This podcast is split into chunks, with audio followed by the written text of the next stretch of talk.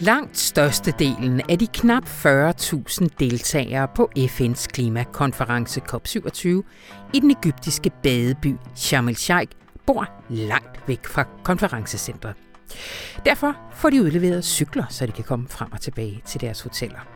This machine fights climate change, står der på cyklerne. Men mange af dem virker ikke. Kæden falder af, og styret sidder løst, og dækkene er punkteret. På den nyrenoverede El Salem motorvej, som fører fra den gamle by i Sharm el-Sheikh ud til klimatopmødet, der er der anlagt cykelstier. Men efter tre dage i byen, så har informationsudsendte Otto Lærke og Tore Keller endnu ikke set en eneste cyklist køre der. Jeg er igennem til dem på telefon, øh, og vil blandt andet spørge om, om den her lidt uheldige cykelsituation kan vise sig at blive et passende billede på den diplomatiske indsats for at samle verden om den alt afgørende klimaindsats.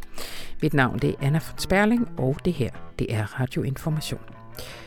Og vi også skal tale om litteraturpriser. Om en, der fik en, endda en fin en af slagsen, Solvej Balle, der modtog Nordisk Råds litteraturpris samme dag, som der var et folketingsvalg og vi fik derfor ikke mulighed for at snakke om hende der, men heldigvis udgiver hun her den 18. november fjerde bind i sit syvbindsværk Udregning af rumfang, og så fik vi en chance mere. Og så kan vi oven i købet tale om nogle af dem, der ikke kan modtage priser. I hvert fald ikke debutantprisen på Bogforum. Fordi de var ikke danske nok, forstået sådan, at de for eksempel ikke i første omgang har skrevet bøgerne på dansk. Vi må have en bredere definition af, hvad dansk litteratur er, siger vores litteraturanmelder Lone Nikolajsen. Og sidst men ikke mindst, så Rune forbi med en optur over, at det internationale hoved, hvis man kan tale om sådan et, trods alt forblev relativt koldt, da der faldt et missil ned på NATO-siden af den ukrainsk-polske grænse her i ugen. Og når han så lige er her, så er der jo også mulighed for, at jeg spørger ham, hvorfor Information har tænkt sig ikke at skrive en eneste linje om det fodbold-VM, der søndag går i gang i Katar. Rigtig hjertelig velkommen til.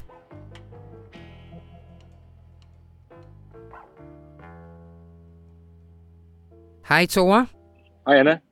Igennem fra Sharm el-Sheikh. Sidst jeg var der, Tore, der, jeg tror vi taler 2002-ish, der øh, fik jeg dårlig mave, men jeg så en dragfisk. Hvordan har din dag været? Øh, jeg har også set nogle rigtig flotte fisk faktisk, øh, Ja. og min mave har indtil videre fris af. Godt. Du øh, er heller ikke dernede for at dykke eller æde. Du er dernede for at dække COP27. Og Thor, vi er nu, der hvor vi taler sammen, det er torsdag, klokken er øh, 20 minutter i tre. Hvor er vi i COP-processen lige nu? Vi skal til at gå ind i slutspillet. Øh, normalt så skal Mhm. mm-hmm. kop her, den skal slutte fredag.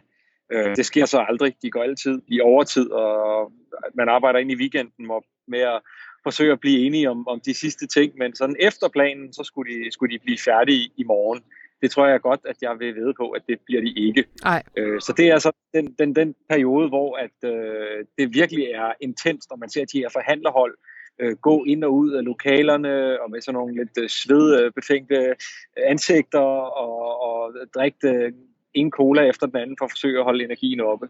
Ja, men, men hvor er vi? Altså, de plejer jo at være bygget op, at der først er ligesom forhandlinger på embedsmandsniveau, og så kommer der mere regulære politiske forhandlinger. Altså, hvordan er det i år? Ja, det har været lidt anderledes i år, vil jeg sige, den måde, de har struktureret det på, det egyptiske formandskab.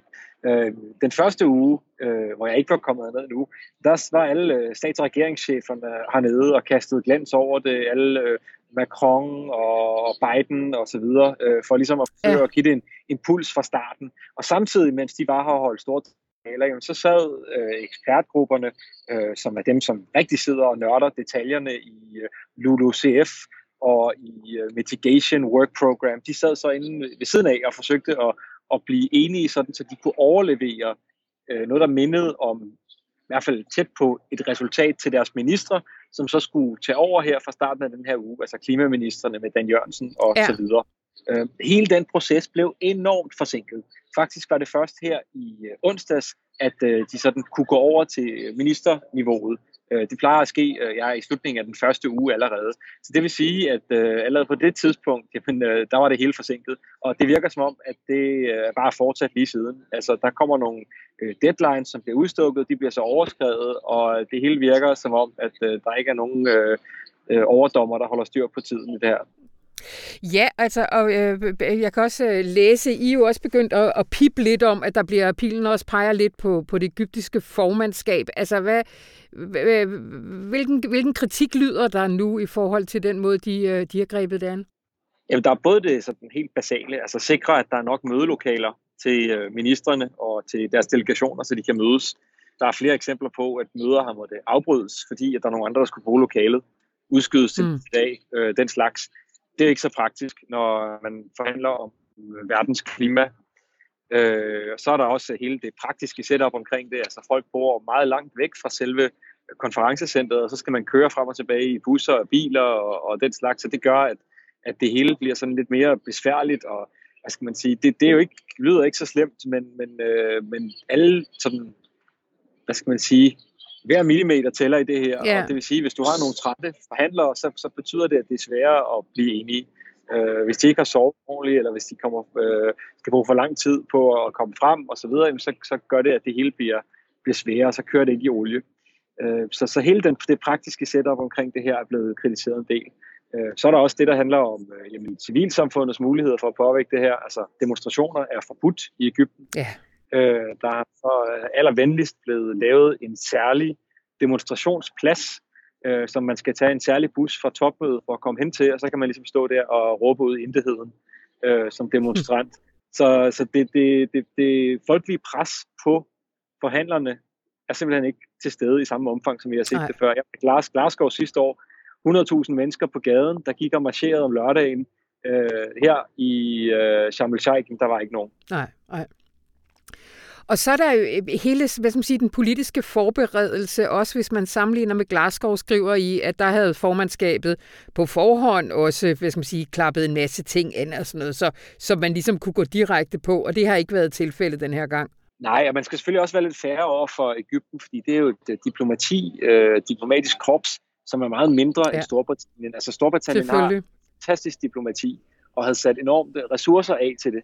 Øh, men det gjorde ja. så også, at, at hele processen omkring det var timet og tilrettelagt gamificeret næsten, vil jeg sige. ja. altså, det der med at tænke i, hvis vi gør det, så gør de det, og så gør de det. Det er noget af det, som uh, uh, britterne har været virkelig gode til. Det er, virker lidt som om, at det egyptiske formandskab, de spiller poker her med knap 200 af verdens lande. Altså ja. forsøger at, at, at få dem til at reagere ved at ikke at lægge sådan en særlig præcis øh, plan for, hvad det er, der skal foregå.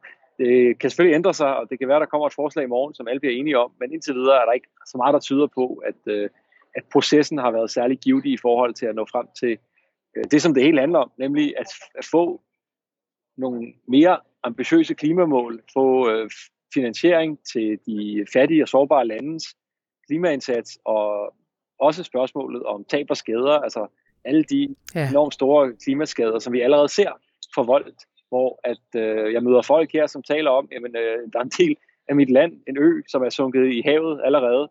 Øh, og det er jo ligesom det, der er nøglen til det hele på den her øh, klimakonference. Det er, hvis man kan skabe tillid, så koster det øh, penge, fordi det er de rige lande, der har forvoldt størstedelen af klimaskaderne, og det er også dem, der skal betale for dem. Ja. Øh, og når man kommer derhen, jamen, så er det enormt svært at få de øh, fattige og sårbare lande, som jo er der, hvor fremtidens CO2-udslip formentlig ligger, til at rykke noget som helst. Ja. Og derfor står vi i sådan en fastlåst situation. Ja, og det var jo altså en af drømmene ved, at det lå på det afrikanske kontinent, at det her ville blive Afrikas klimatopmøde. Hvordan går det med det?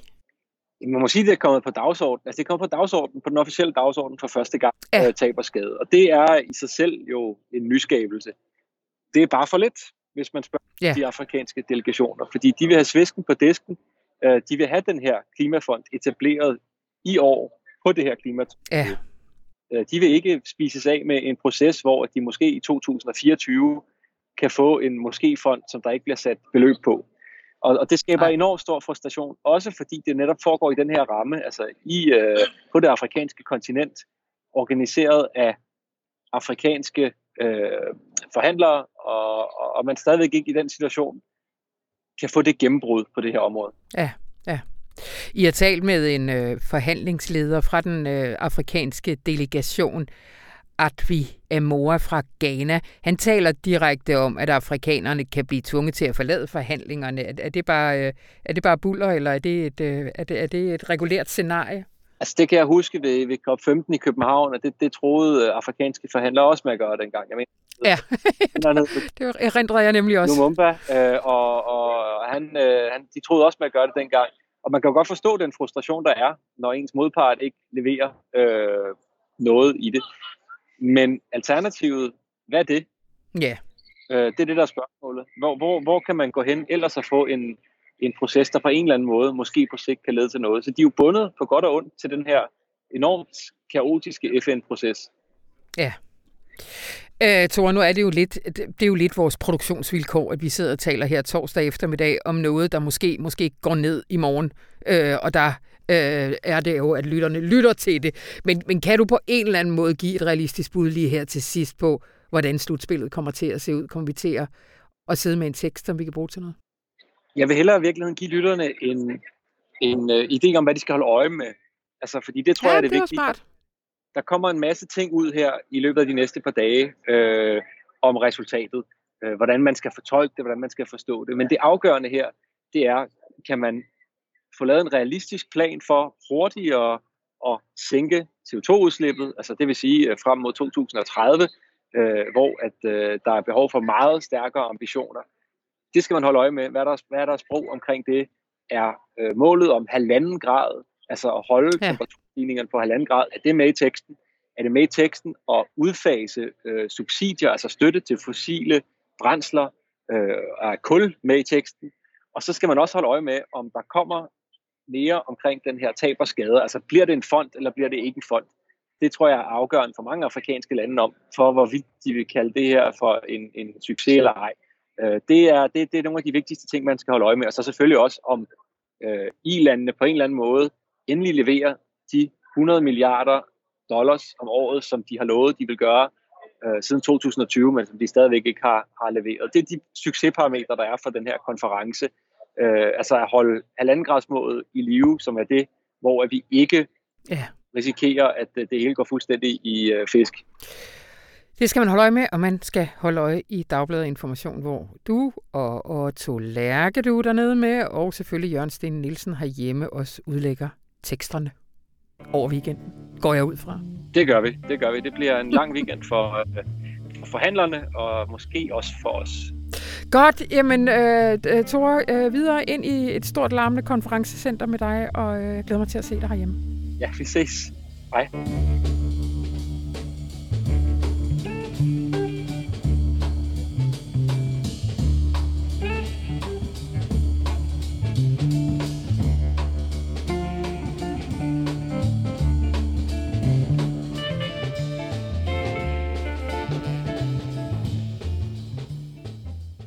Og om lidt skal vi tale om litteraturpriser og om fremragende dansk litteratur. Men først her lige et par ord fra vores annoncører. Kriminalitet fylder meget i medierne, og politikerne griber ofte til hårdere straffe. Men hvis vi for alvor vil kriminaliteten til livs, er der brug for mere viden om forebyggelse. I podcasten Forebyg forbrydelsen fra det Kriminalpræventive Råd kan du høre eksperter og praktikere komme med nuancerende perspektiver og konkrete bud på, hvordan vi får et samfund med mindre kriminalitet og mere tryghed. Du kan blandt andet blive klogere på voldtægtsmyter, kvindedrab og bandekriminalitet. Du finder podcasten på Spotify, Apple Podcast og Google Play, eller der, hvor du normalt henter din podcast. Du skal bare søge på Forebyg forbrydelsen.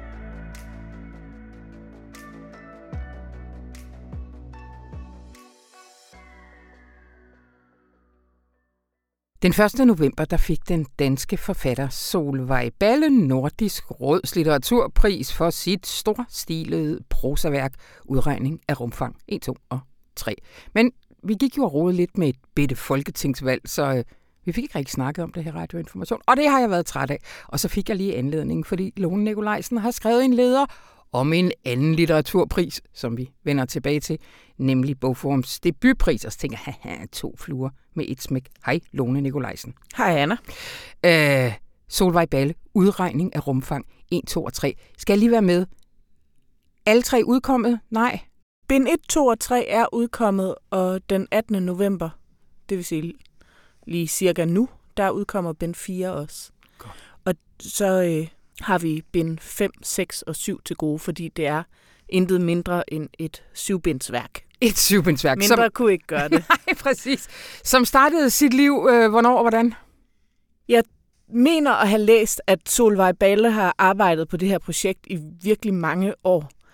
Og det undrer mig ikke, fordi det er så gennemarbejdet og hænger så godt sammen, og det er som om det den historie, hun fortæller i de her tre bind, som er det, jeg har læst, bare øh, virker som sådan koncentreret klogskab og alle mulige filosofiske tanker om, hvordan, det ville, hvordan livet ville være, hvis man var af en eller anden grund tvunget til at genleve den samme dag, nemlig 18. november, igen og igen og igen.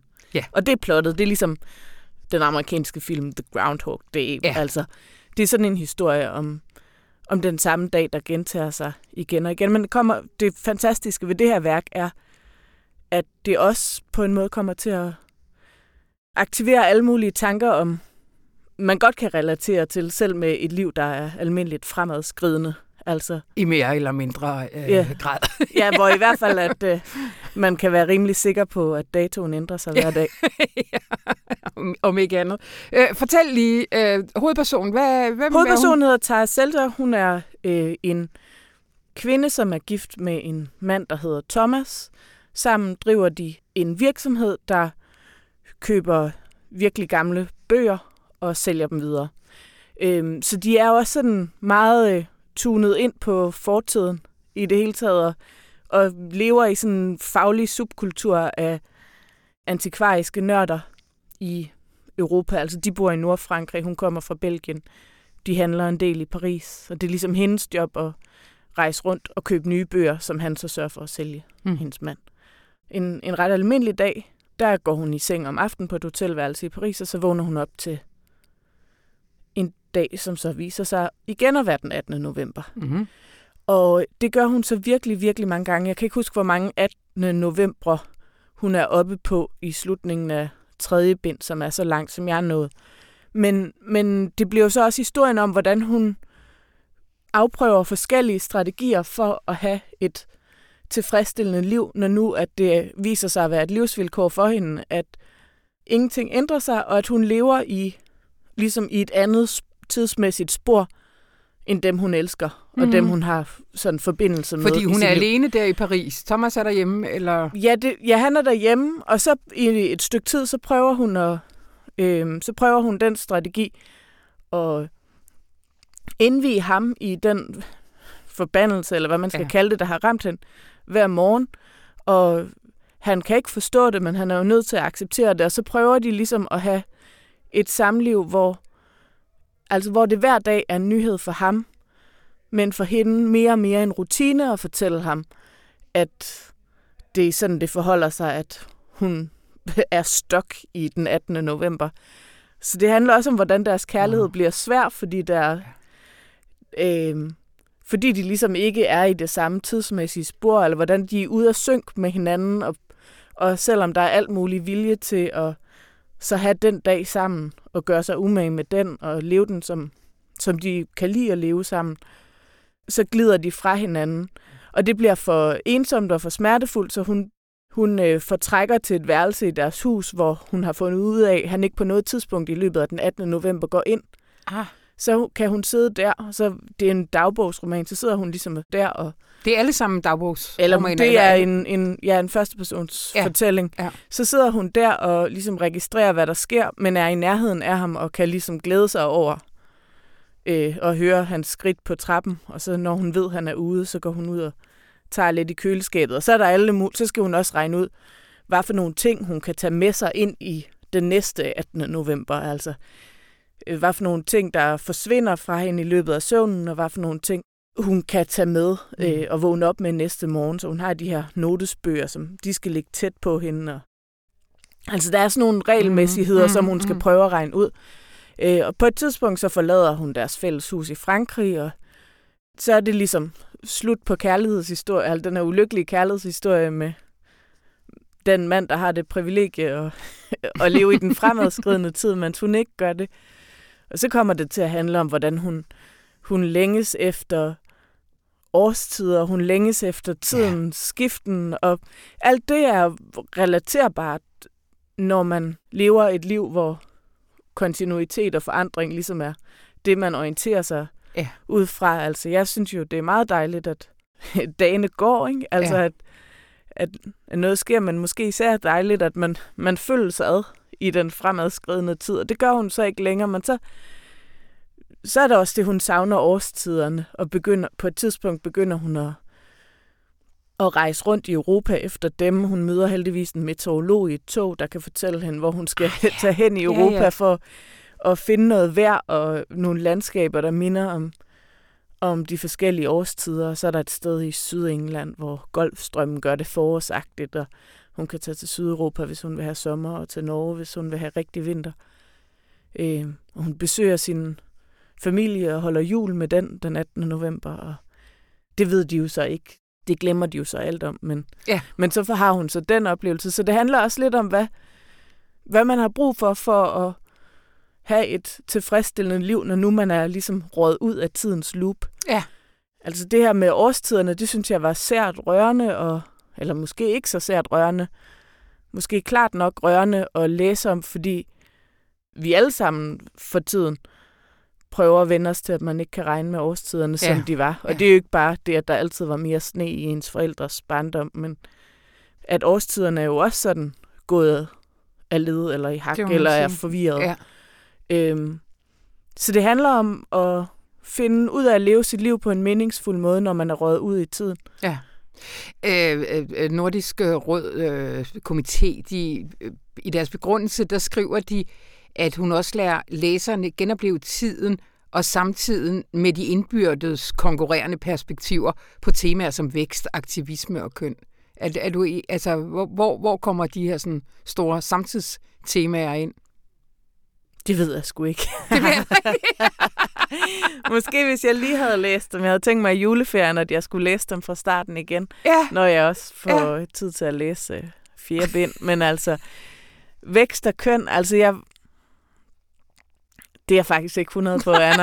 det, er det er ikke mig, der har formuleret det. Nej, der er sikkert, altså, der er helt sikkert noget om det. Jeg kan bare ikke komme i tanke nej, om det. Nej, nej, nej. Øh, Lone Solvej Balle skal vi også lige vende, fordi at, øh, jeg har jo haft mit øh, liv op på Kulturgangen som den øh, absolut mindst belæste i øh, vores kontor, men hun er ligesom altid, også kan jeg huske for nogle år siden, da det første bind kom ud her, der var sådan, oh, Solvej Balle, altså hun er sådan lidt en forfatter-forfatter, eller har været det inden det her, altså sådan en, alle i det litterære miljø kendte og ventede på. Altså, hvad, hvad er hendes sådan historie? Mm, hun var en af de her... Øh 90'er, sådan toneangivende danske 90'er ja. forfattere, der skrev... Født i 62, kan ja. jeg lige læse ja. Og jeg tror, hendes debutbog var ifølge loven, det var i hvert fald gennembrudsbogen, og den kan jeg ikke huske, hvornår kom, men det har været en gang i 90'erne, mener jeg. 93? Ja. Øh, og det er sådan romaner, der har et eller andet øh, filosofisk ærne, og som foregår i et enten lidt fantastisk eller lidt abstrakt rum, og hun er sådan generationsmæssigt puljet sammen med sådan nogen som øh, Christina Hesselholdt og Kirsten Hammann, som, mm. som også begge i begyndelsen af deres forfatterskaber skrev sådan filosofisk anlagt litteratur, ja. i, der foregik i nogenlunde abstrakte rum. Ja. Øhm, Jeg kan lige indføje, at hun debuterede i 86 med Lyrefugl. Ja, ja. den har jeg så ikke lige læst. Nej. Men, øh, Ja, hun er ligesom en, en del af den generation, og så har man bare ikke hørt fra hende i mange, mange, mange år. Og så har hun bare åbenbart været i gang med et tilløb til et værk, som er så ambitiøst og så sammenhængende og så tankevækkende og faktisk også, synes jeg, sådan følelsesmæssigt gribende, at jeg synes, det er totalt optur, at der bliver skrevet den slags Ja, på dansk. ja.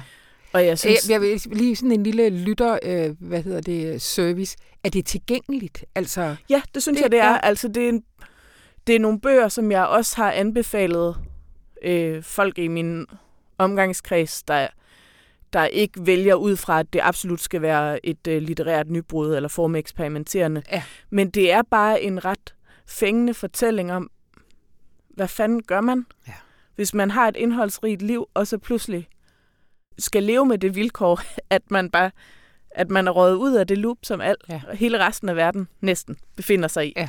Øh, I modsætning til Groundhog Day, så øh, det er jo en fortælling, der handler om, at, at hovedpersonen lever på en måde, der egentlig ikke er helt, øh, der ikke er helt fed i længden, altså hvor han går rundt og er lidt et blaseret, arrogant røvhul, der, altså, Ja. der ikke får nok ud af sine dage, og så ved at blive tvunget til at gennemleve den samme dag igen og igen, så finder han ud af at komme i kontakt med et eller andet mere Ja. hensigtsmæssigt i sig selv. Så det er en opbyggelig fortælling på den her måde. Men her er det en anden fortælling, der handler om en, der faktisk har et, et liv, der er meningsfuldt og, ja. og rigt, og som så skal prøve at finde det under nogle andre præmisser. Og det, jeg synes, den er ret fængende. Det er også, hvad jeg hører fra dem, der ligesom har lånt bogen, og som ikke øh, vælger deres øh, læseoplevelser efter litterært fejnsmækkeri. Yes. At den bare er gribende. skønt. Øh, anbefalingen givet videre.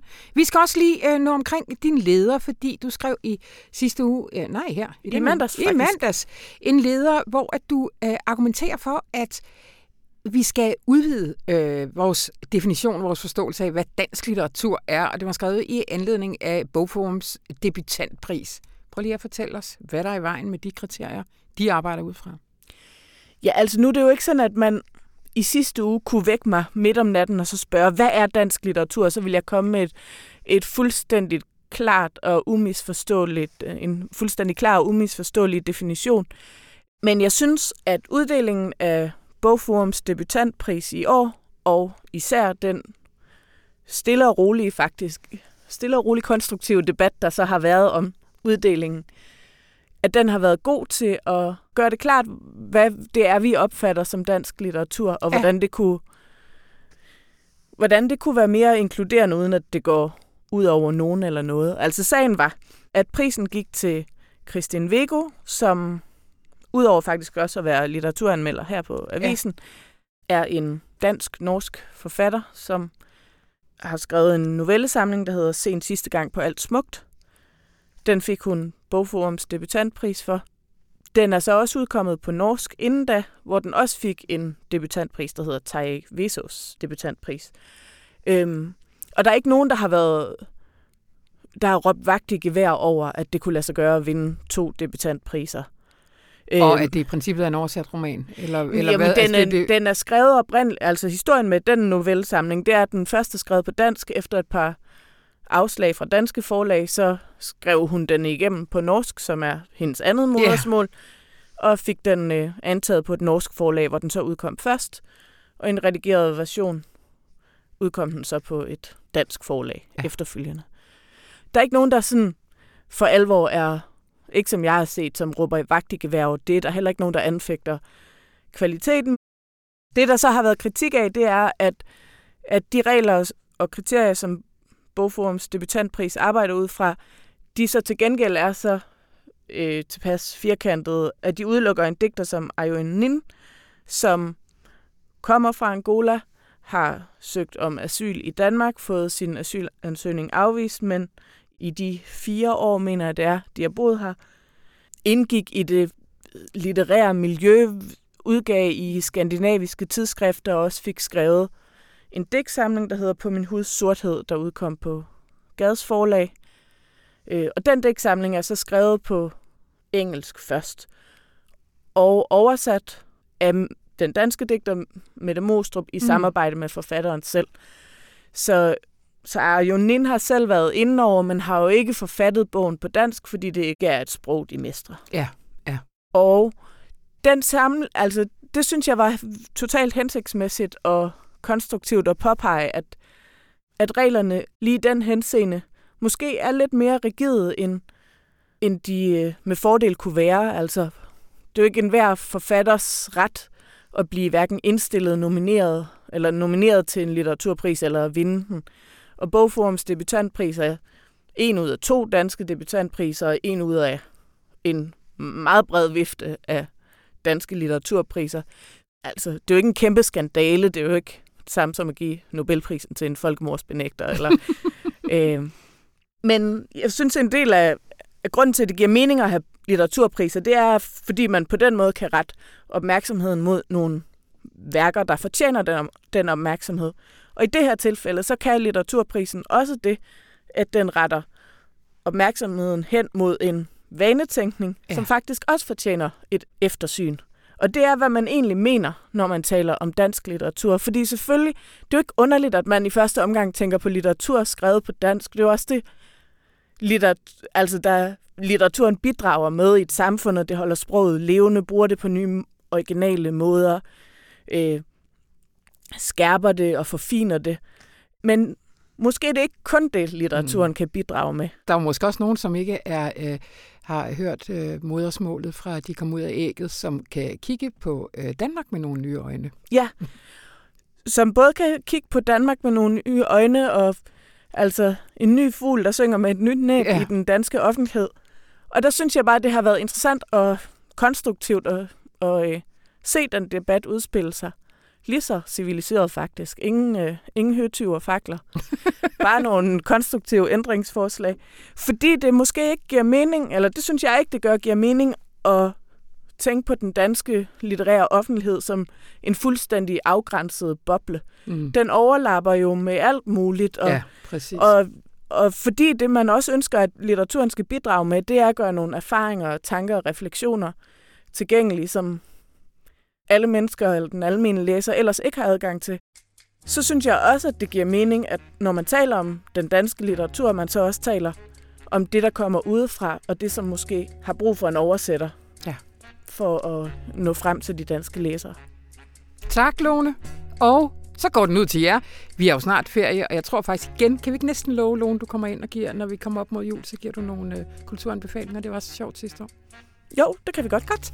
Men indtil videre, så kan man simpelthen bare sige her, nu man skal læse noget Solvej Balle, og noget Christine Vego, og noget Ayun Nin. Nin. tak, Lone Nikolajsen.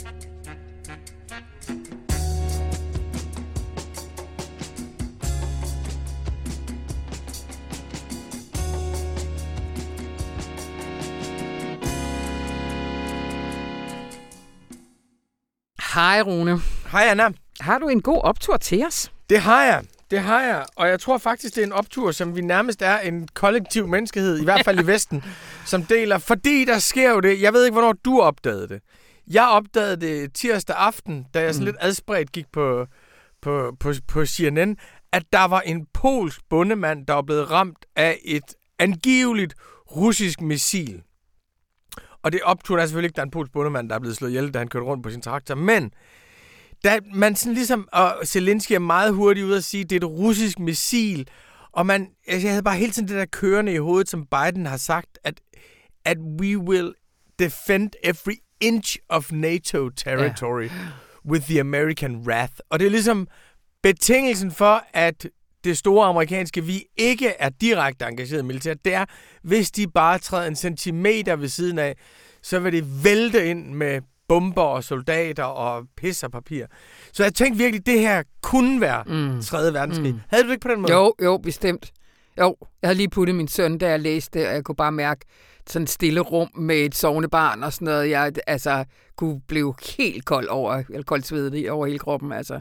Og jeg tænkte bare, og, og jeg tænkte nu også fordi polakkerne er jo har jo været forbilledelige i den her krise, har taget mm. så mange flygtninge. Mm. Men polakkerne er også offensive. Altså, polakkerne er jo det eneste folk i EU, hvor flertallet siger, at de selv er i krig. Ja, og de har en regering, der står af helvedes til i meningsmålingerne, og øh, godt kunne bruge lidt bull og brag og sådan noget. Det, en, det var et rigtig lorte tidspunkt. Og en historie med, ja. en historie med at øh, den store satan over Østpå har invaderet dem før, og i øvrigt, Tyskland er for dem den store satan. Ja. Vestpå, så jeg tænkte, det var det værste begivenhed, det værst tænkelige sted, og turde nærmest ikke gå i seng. Og næste tanke var så, okay, alle verdenslederne, de samlede Bali i øjeblikket. Ja. Men jeg tror, at her Sleepy Joe, han sover. altså, og jeg er bange for, om han har fået det der skud, som han skal have for at kunne, kunne fungere. og det, men situationen minder os jo om, hvor ekstremt det er, at der ikke er nogen forbindelseslinjer mellem Vesten og Moskva. Ja. Altså forskellen for det her og Bay of Pigs i starten af, af 60'erne, hvor det også var tæt på, der var jo altid en forbindelseslinje. Også kendt som Kuba-krisen. Også kendt Ja. som Kuba-krigen, ja. ja. Øh, der var jo altid en forbindelseslinje mellem Moskva og Washington. Og det der med, at vi faktisk er i en krigssituation, mm. og at der er sådan regelmæssigt trusler med atomvåben, og der ingen forbindelseslinje er. Den ontologiske grundangst blev vagt helt vildt. Og, øh, og da man så næste dag, i, da det i løbet af dagen, for, for, for først var jeg faktisk begejstret for, at det blev taget så relativt, altså at det var tydeligt, at der var et eller andet samlet NATO, som reagerede i fællesskab. Ja.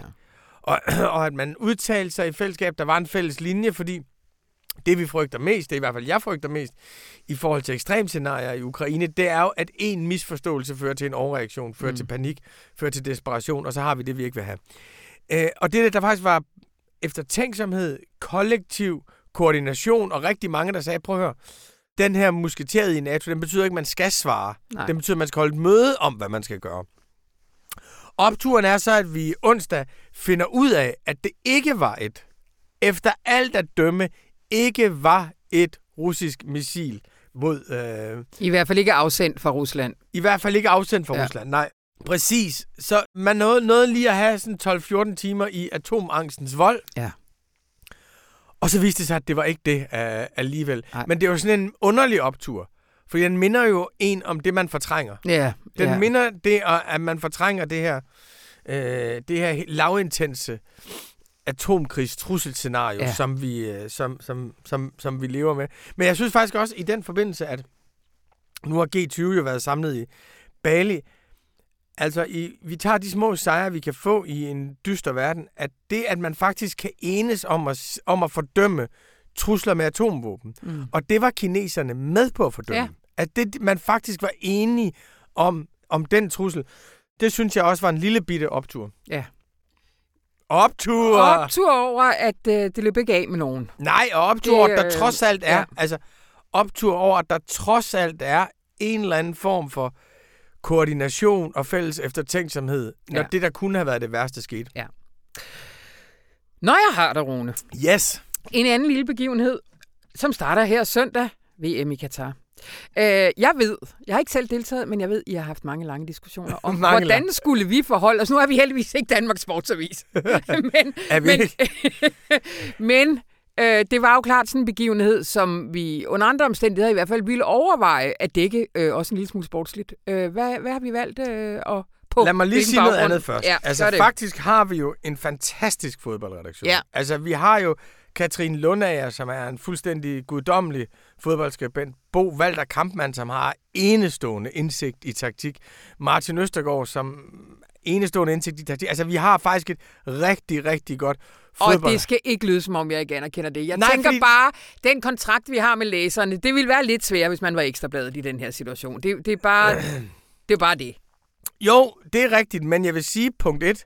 Jeg er super stolt af vores fodbolddækning. Super. Jeg synes virkelig, at vi leverer noget, som ingen andre leverer, og vi bringer nogle refleksioner ind omkring det, og noget på spil, som tilføjer noget til den samlede dækning.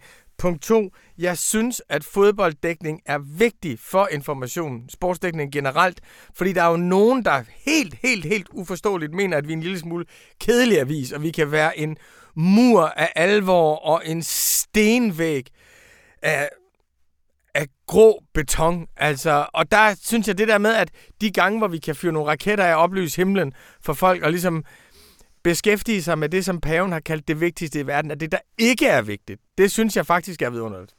Eller var det paven? Var det ikke Eduardo Galliano? Jeg tror altså, han har citeret Eduardo ja. Galliano.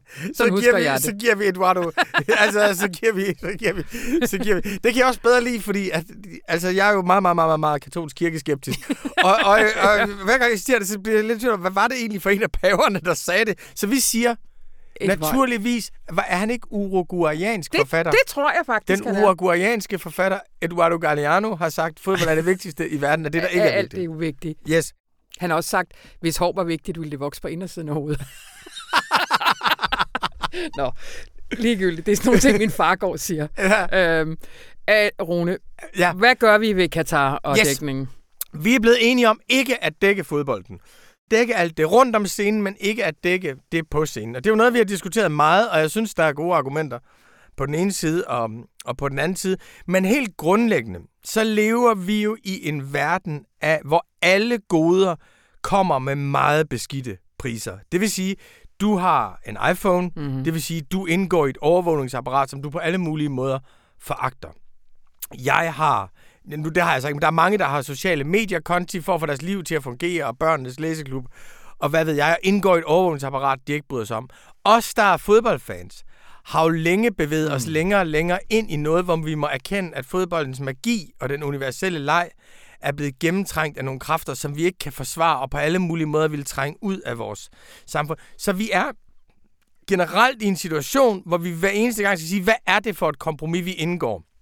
Vores holdning her på avisen er, at det er blevet så attraktivt for repressive stater at gøre alt muligt grusomt for at tiltrække sportsevent, fordi de ved, at magien inde på banen fortrænger altid volden og blodet, som har været rundt om. Det vil sige, det er et teater, hvor skuespillet er så stærkt, mm. så selvom du kan råbe og skrige om omstændighederne ude i mørket, så vil det altid virke alligevel.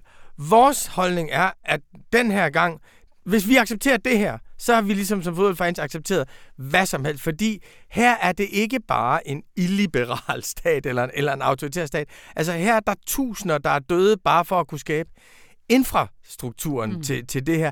Her er der så grotesk en udnyttelse af magt og penge, og en så stor foragt for menneskeliv, bare for at få det til at ske. Mm.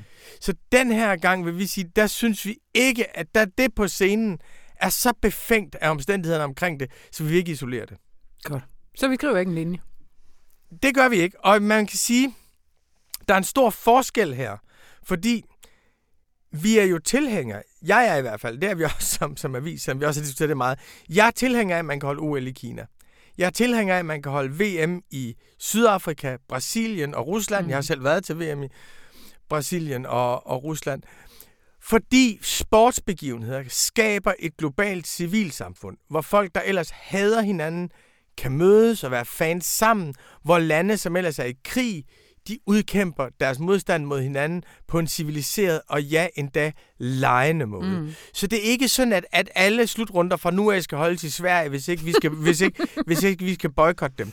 Men Katar, det er en ørkenstat mm. med 300.000 indbyggere, hvor man ikke kan spille fodbold. Ja. Du kan ikke spille... Altså, mm. det er den ultimative perversion. Mm. Du kan ikke spille fodbold. VM som institution er smadret, mm. fordi fans kan ikke komme til mm. på samme måde, som de kan tidligere.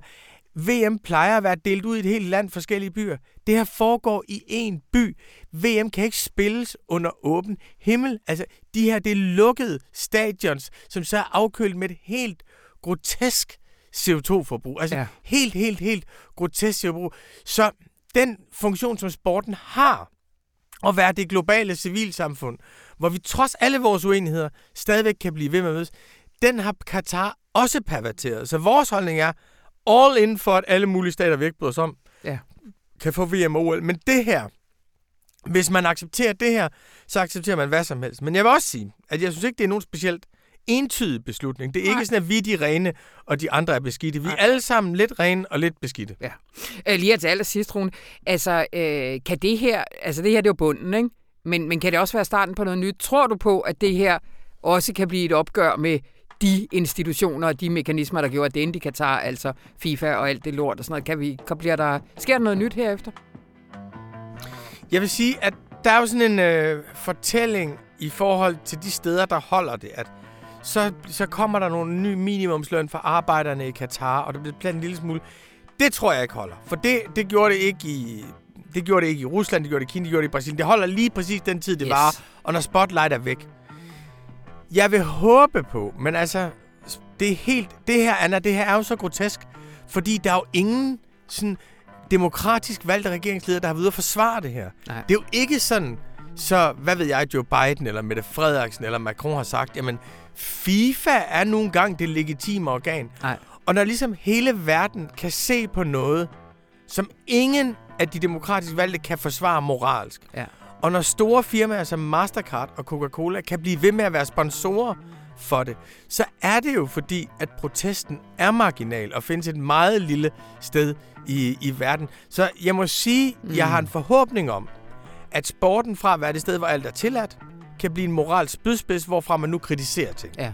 Det har jeg en forhåbning om. Jeg har ikke nogen særlig stor forhåbning om reform af de der sportsinstitutioner, der reelt er meget få velhavende mænds globale bananrepublikker.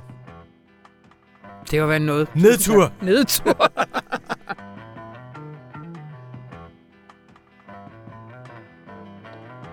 Og det var, hvad vi havde valgt at tage med i radioinformation fra denne uges aviser. Mit navn det er Anna von Sperling, og det her program det blev klippet af Anne Pilegaard Petersen. Og så ønsker jeg dig en rigtig, rigtig god weekend.